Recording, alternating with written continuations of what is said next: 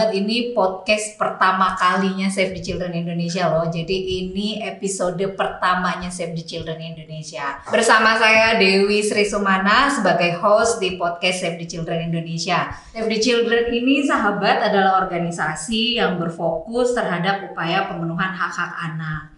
Di dunia kami sudah ada sejak tahun 1919. Wow, lama ya.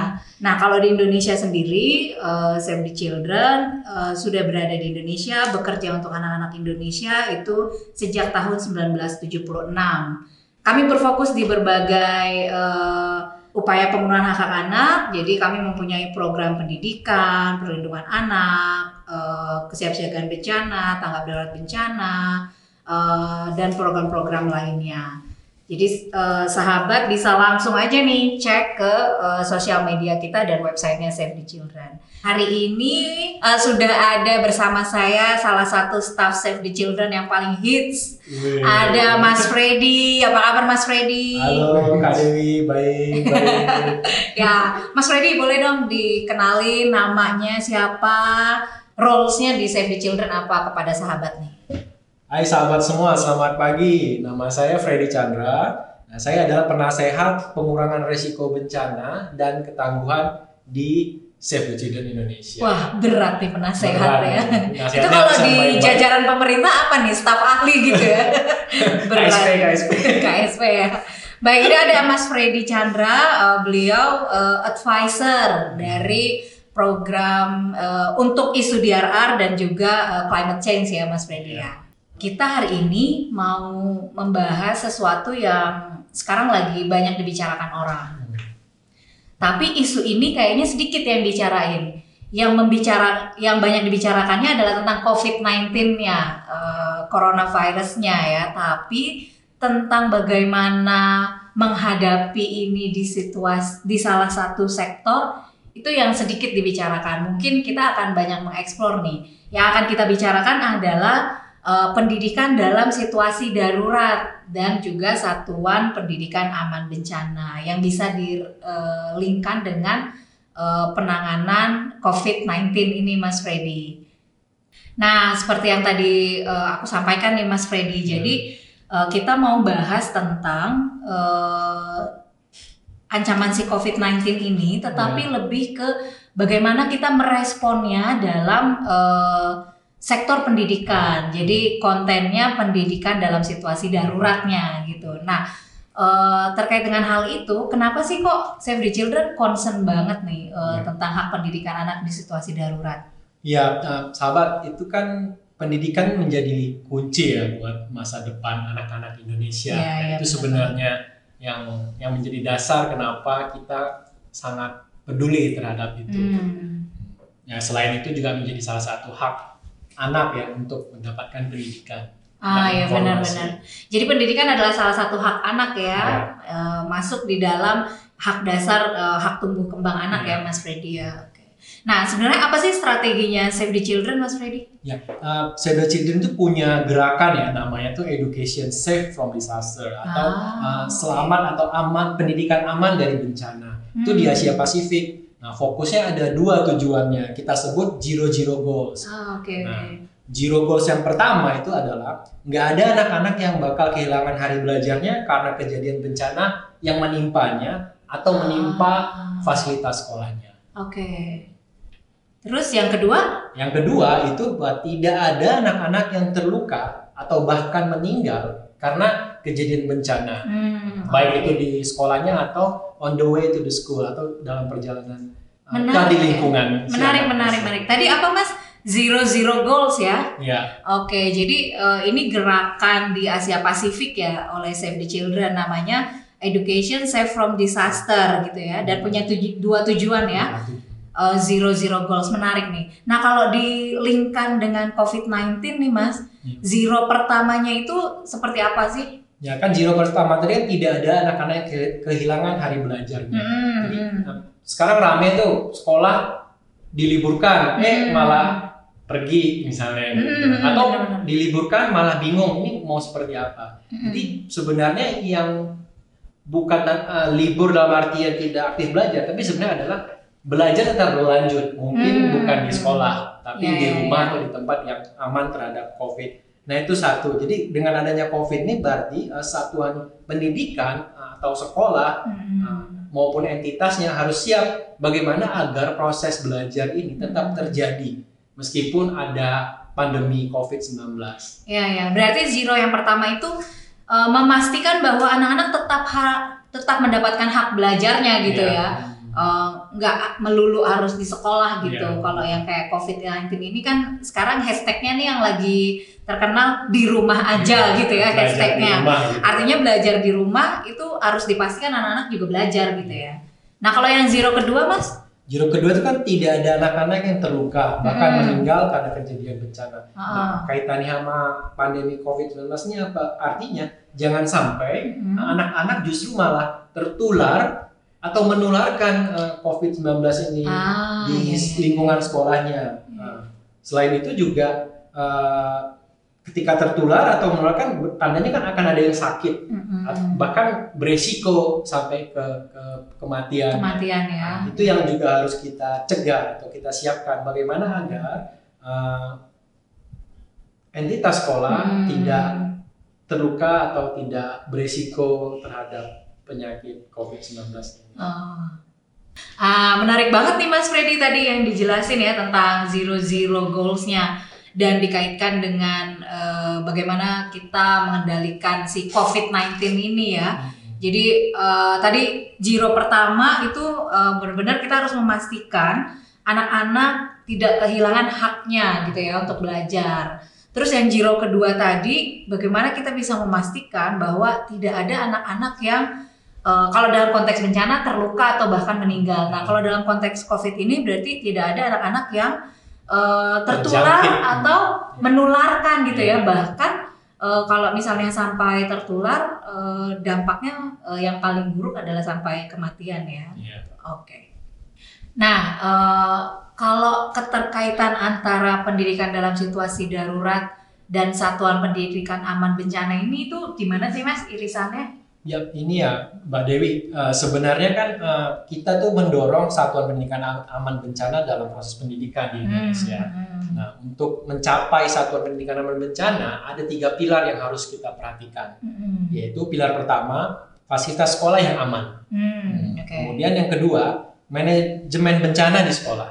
Oke. Okay, yeah. Kemudian pilar ketiga yaitu pendidikan terkait dengan pengurangan resiko bencana. Oh, oke okay, oke. Okay. Jadi uh, keterkaitannya ini juga dieksplor melalui uh, pilar 1, pilar 2 dan pilar 3 ya Mas Media. Yeah. Nah, kalau secara praktisnya sendiri tuh tiga pilar satuan pendidikan aman bencana ini sebenarnya bisa nggak sih diintegrasikan dalam penanganan COVID-19 ini? Ya. Uh, sebenarnya sangat bisa ya Mbak Dewi.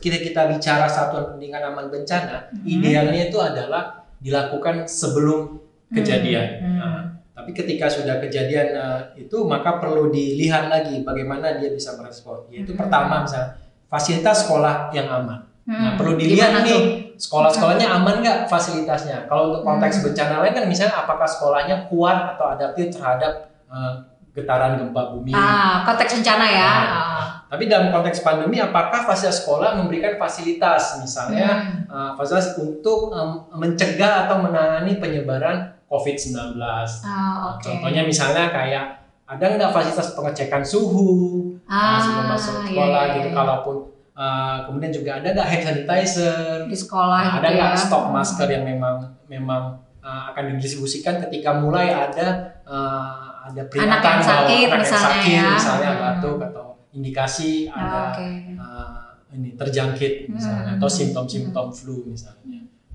air bersih juga sih kan termasuk nggak sih mas? Termasuk juga hmm. air bersih dan dan tentu ini ya air bersih kemudian juga bagaimana sirkulasi udara di ruang hmm. belajar itu juga menjadi yeah, iya. penting yeah. sebenarnya.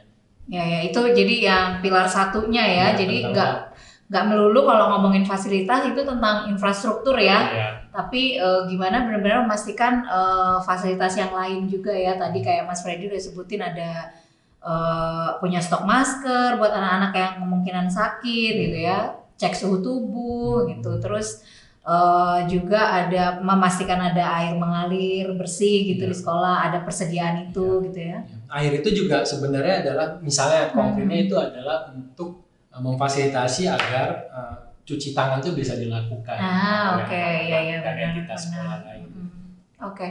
Nah, kalau pilar duanya, Mas? Pilar dua itu kan manajemen bencana di sekolah. Hmm. Nah, dalam hmm. konteks ini, apakah uh, sekolah memiliki uh, rencana kontingensi atau rencana hmm. penanganan pandemi? Okay. Misalnya COVID, berarti sebelum terjadi COVID, apa yang yang yang disiapkan oleh sekolah hmm. saat dan sesudah itu hmm. contohnya. Terus kalau seandainya uh, terjadi uh, dan sekolah harus diliburkan, mm-hmm. mekanisme apa yang ditempuh oleh sekolah agar proses belajar tetap terjadi meskipun okay. uh, tetap berlangsung meskipun tidak di lingkungan sekolah. Mm-hmm. Nah itu sebenarnya harus disiapkan jauh-jauh hari sebelum pandemi ini ya. Tapi karena hmm. sekarang kondisi darurat, nah bagaimana itu rencana kontingensi atau rencana diaktifkan ya, diaktifkan hmm. dan diimplementasikan siapa hmm. melakukan apa, kapan dan di mana. Hmm. Jadi berarti uh, termasuk pemantauan gak sih mas di manajemen bencana itu? Termasuk itu pemantauan itu kan adalah upaya mitigasi sebenarnya. Ah, Tadi okay. seperti saya sampaikan, uh, artinya upaya membangun satuan pendidikan aman bencana baik hmm. bencana alam maupun pandemi idealnya memang dilakukan jauh sebelum ini terjadi. Yeah. Nah, itu upaya-upaya mitigasi dan kesiapsiagaan. Hmm. Jadi memang uh, selain SOP tadi tentunya perlu dilakukan misalnya kajian-kajian resiko hmm. di di sekolah, misalnya apakah resiko ini berisiko terhadap uh, uh, penyebaran hmm. pandemi atau terjangkit, bagaimana lingkungan sekolah uh, terhadap risiko kesehatan dan lain sebagainya. Menarik, menarik, menarik. Termasuk uh, kalau gurunya harus tahu berbuat apa itu di manajemen bencana sekolah juga, Mas. Guru, kepala sekolah, warga sekolah gitu. Ya, itu kan bagian dari ini ya, bagian hmm. dari rencana kontingensi tadi yang saya katakan ah, siapa okay. melakukan apa. Jadi peran guru apa, oh, peran okay. kepala sekolah apa, bahkan peran peserta didik apa, dan bahkan bukan hanya itu, bagaimana juga peran komunitas hmm. atau masyarakat atau warga yang berada di sekitar lingkungan yeah. sekolah itu. Oke, jadi rencana dokumen rencana kontingensi atau dokumen rencana kedaruratan itu jadi penting banget ya penting. sekolah miliki gitu ya, ya. sebelum uh, apa namanya bencana itu terjadi gitu ya. Nah, Mas Freddy, kalau untuk pilar tiganya sendiri gimana tuh diintegrasikan dalam penanganan COVID? Ya, pilar tiga itu tadi ya pendidikan pengurangan risiko bencana. Nah, sebelum dikaitkan ke COVID ada tiga hal penting dalam aspek hmm. pengurangan risiko bencana, yaitu satu kenali ancamannya. Hmm, okay. nah, kalau dalam COVID berarti kenali COVID-nya. Apa itu COVID? Nah, okay. Bagaimana tentang COVID itu bisa dimasukkan ke dalam proses belajar mengajar hmm. di sekolah, lingkungan sekolah. Kemudian yang kedua, bagaimana akar masalah kerentanan? Apa yang membuat sekolah maupun entitas sekolah itu beresiko terhadap COVID hmm. tadi? Itu harus di, di, dikenali. Nah, ketika kita tahu, nah itu kemudian disampaikan dalam proses belajar mengajar. Kemudian yang ketiga, apa kapasitas yang dimiliki atau yang harus dilakukan atau ditingkatkan oleh sekolah untuk hmm. mengurangi resiko COVID. Nah, tiga aspek itu harus uh, harus di, dilakukan di, hmm. di baik di sekolah dan juga dipastikan ditransfer pengetahuannya ke orang tua. Ah, nah, okay. juga bisa disampaikan. Nah, lebih dari itu, warga sekitar juga perlu di, hmm. disebarluaskan pengetahuan tentang pendidikan pengurangan risiko bencana ini. Dalam, dalam hal ini COVID-19. Oke, jadi uh, pilar tiga ini juga tiga hal tuh ya Mas hmm. ya yang perlu diketahui gitu ya, yeah. baik sekolah maupun orang tua dan tentunya anak-anak gitu ya. Kenali ancamannya, yeah. Iya. uh, kalau COVID berarti kenali apa itu COVID-nya gitu ya. Bagaimana dia men, uh, bagaimana dia menular, menular gitu ya. Uh, dampaknya seperti apa, masa hmm. inkubasinya berapa hari. Oke. Okay. Gitu. Terus uh, pahami akar masalah kerentanannya ya, gitu ya. Misalnya kayak sekolah. perilaku hidup bersih dan hmm. sehat. Misalnya kalau misalnya ada simptom uh, rentan apa nih yang yang harus dilakukan. Hmm. Kalau nggak pakai masker berarti bisa menularkan orang lain. Hmm. Atau satu orang kena ada interaksi dalam jarak kurang dari satu meter uh, di sekolah berarti teman-temannya juga bisa tertular. Kemudian pulang menularkan lagi di lingkungan hmm. tempat tinggal si peserta didik atau anak-anak. Ya, ya, ya. Itu harus diketahui juga di akar masalah kerentanannya di mana hmm. harus diselesaikan. Dan terakhir tentang kapasitas yang dimiliki sekolahnya ya, gitu ya. Nah, kapasitas itu bisa bisa dua nih hmm. ke, ke si anaknya harus dikapasitasi bahwa bagaimana hmm. mereka bisa memahami uh, informasi tentang hmm. ancaman kerentanan dan apa yang harus dilakukan. Misalnya sederhana cuci tangan tadi. Ya, ya, ya. Termasuk kapasitas si orang tuanya orang tua juga, juga ya. Iya ya. Oke. Okay. Nah, uh, tadi kan pilar satu, pilar dua, pilar tiga nih ya. Kita uh, kalau misalnya saya mau tahu dong gimana kalau sekolah nggak menerapkan pilar ini, Mas? Ya. Kalau nggak menerapkan artinya sekolah itu akan beresiko. Ya. Beresiko terhadap uh, ya COVID-19 tadi hmm. kalau kita. Cuman contohnya gini, fasilitas sekolah yang aman Hmm. Ketika struktur sekolah itu nggak kuat terhadap gempa, maka sekolah itu beresiko ambruk saat ada hmm. getaran gempa bumi. Okay. Sehingga si peserta didik, anak-anak atau guru dan entitas sekolah beresiko tertimpa bangunan atau atap sekolah. Hmm, oke. Okay. Nah, itu, itu itu nah, konteks, itu konteks bencana, bencana ya. Nah, kalau konteks COVID misalnya ketika sekolah tidak menyiapkan misalnya checking fasilitas mencecking suhu, uh, cuci tangan, air bersih nggak ada, gitu ada, ya. gitu. Kemudian nggak ada stok masker untuk uh, meminimalisir proses penyebaran kalau hmm. ada anak yang flu atau guru yang yang yang ada simptom gitu. Nah, bisa dipastikan itu akan menyebar sangat cepat uh, hmm. si COVID itu di lingkungan sekolah. Ya, ya, ya, Dapat ya. kalau dia pulang gitu kan disebarkan luaskan lagi. Hmm. Ya. Menarik nih Mas tadi ya, uh, kalau sekolah nggak menerapkan salah satu contohnya yang pilar satu Nah sekarang kalau pilar duanya nih, kalau sekolah nggak nerapin manajemen bencana di sekolah tuh kayak gimana? Kebingungan, kalut. Ah bener tuh. Pada akhirnya ya beresiko. Hmm. Dia beresiko terhadap si COVID-nya ya. Nah kenapa saya bilang gitu? Karena contoh paling sederhana, ketika sekolah tuh nggak tahu konteks resiko di sekolahnya, hmm. bagaimana dia tahu cara menanganinya? Hmm. Ya ketika tidak ada rencana siapa melakukan apa dan kapan, gimana, itu juga akan bermasalah. Secara konkret gini, sekarang sekolah diliburkan nih mm-hmm. atau disuruh belajar di rumah. Mm-hmm. Nah, tapi ketika nggak pernah ada rencana bagaimana melaksanakannya, siapa yang menyediakan, mm-hmm. apa yang disampaikan, kapan itu dilakukan, kemudian bagaimana cara memonitoringnya gitu. Jadi pada kalut kan, apalagi kalau orang tua terbiasa menyerahkan semua proses belajar di sekolah nih. Oh, nah, itu kan jadi repot. Udah bayar gitu ya di sekolah gitu. Berarti udah dianggap bisa. Nah, sekarang di rumah nih, hmm. kebingungan nih. Gimana nih caranya ya? Itu, yeah. Kalau sana itu disiapkan jauh-jauh hari sebelumnya, artinya sekolah memiliki rencana kesiapsiagaan tadi. Hmm. Nah, dan ketika terjadi darurat diaktifasi, yeah. maka SOP itu bisa dilakukan. Nah, idealnya ya, sekali lagi memang okay. dilakukan jauh sebelum kejadian. Tapi oh. kalau setelah kejadian pembelajaran itu bisa kita petik. Siapa yeah. melakukan apa? Termasuk guru, kepala sekolah, anak-anak, iya. orang tua dan warga sekitarnya. Oke. Nah, terus kalau yang pilar tiga nih, Mas, uh, gimana kalau sekolah nggak menerapkan ini? Sekolah nggak mendidik tentang uh, pengurangan risiko bencana atau nggak mendidik tentang penanganan si COVID-nya gitu? Iya, artinya ini si beresiko sekali lagi beresiko terjangkit tersebar luas bahkan ya pada akhirnya sampai kematian. Kenapa? Karena tidak ada pengetahuan bagaimana hmm. karakter si COVID.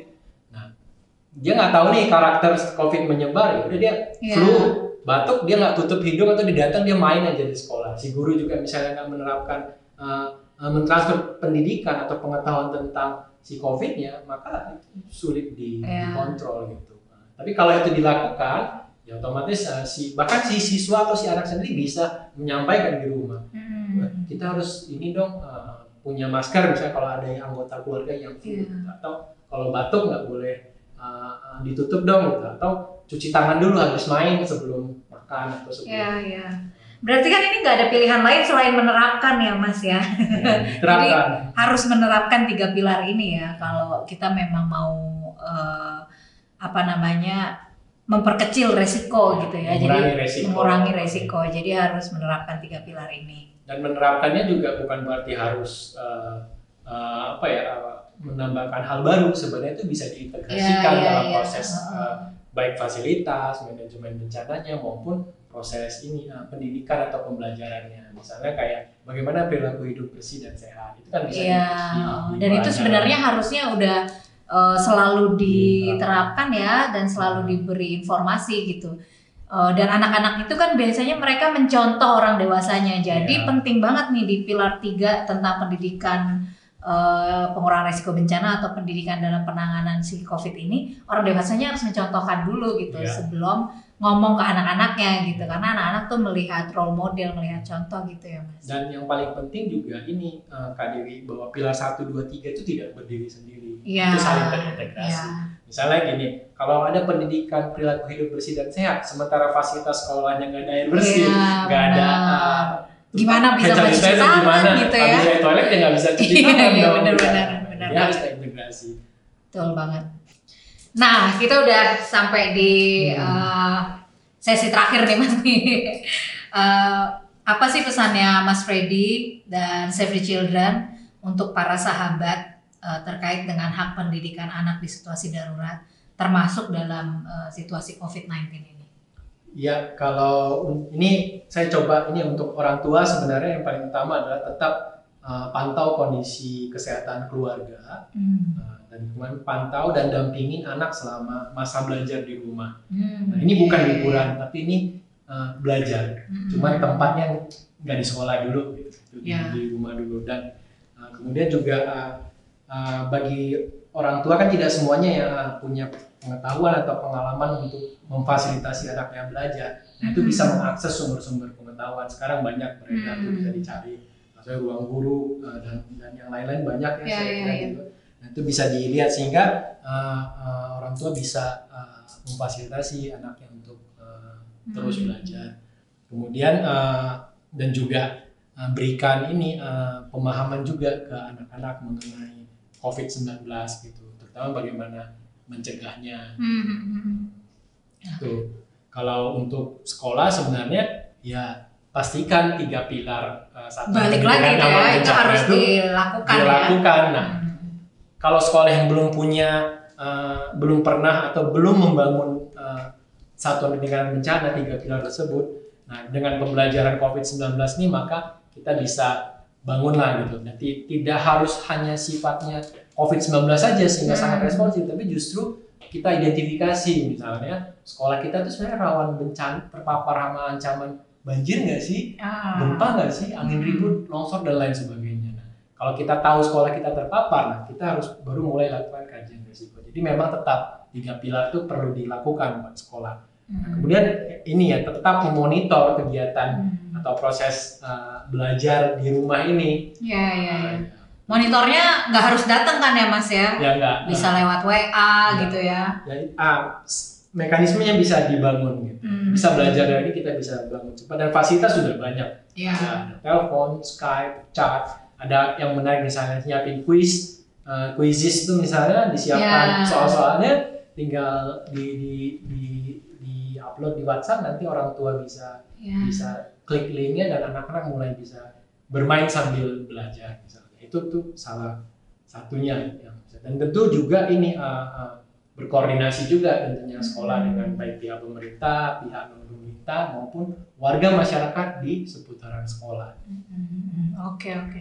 Nah kalau tadi kan udah untuk orang tua pesannya untuk sekolah, untuk masyarakat ada nggak mas Jadi kalau uh, untuk masyarakat uh, sebenarnya uh, sama ya kayak buat sekolah bagi masyarakat atau komunitas yang tinggal di daerah rawan bencana hmm. atau rawan uh, pandemi gitu juga sebagus sebaiknya melakukan uh, uh, kegiatan-kegiatan pengurangan risiko bencana berbasis komunitas. Hmm. Nah, memang tidak ada pilar di situ, tapi sebenarnya prosesnya sama, yaitu bagaimana melakukan uh, kajian risiko, kemudian melihat mengenali ancaman di uh, lingkungan sekitarnya, ya. mengidentifikasi akar masalah kerentanannya, ya. dan mengidentifikasi kapasitas apa yang ada dan dimiliki supaya bisa menang menanggulangi atau mengurangi risiko bencana, hmm. menyusun sejumlah rencana-rencana kesiapsiagaan hmm. atau mitigasi, dan ya tentunya melakukan simulasi rutin. Hmm. Itu untuk konteksnya.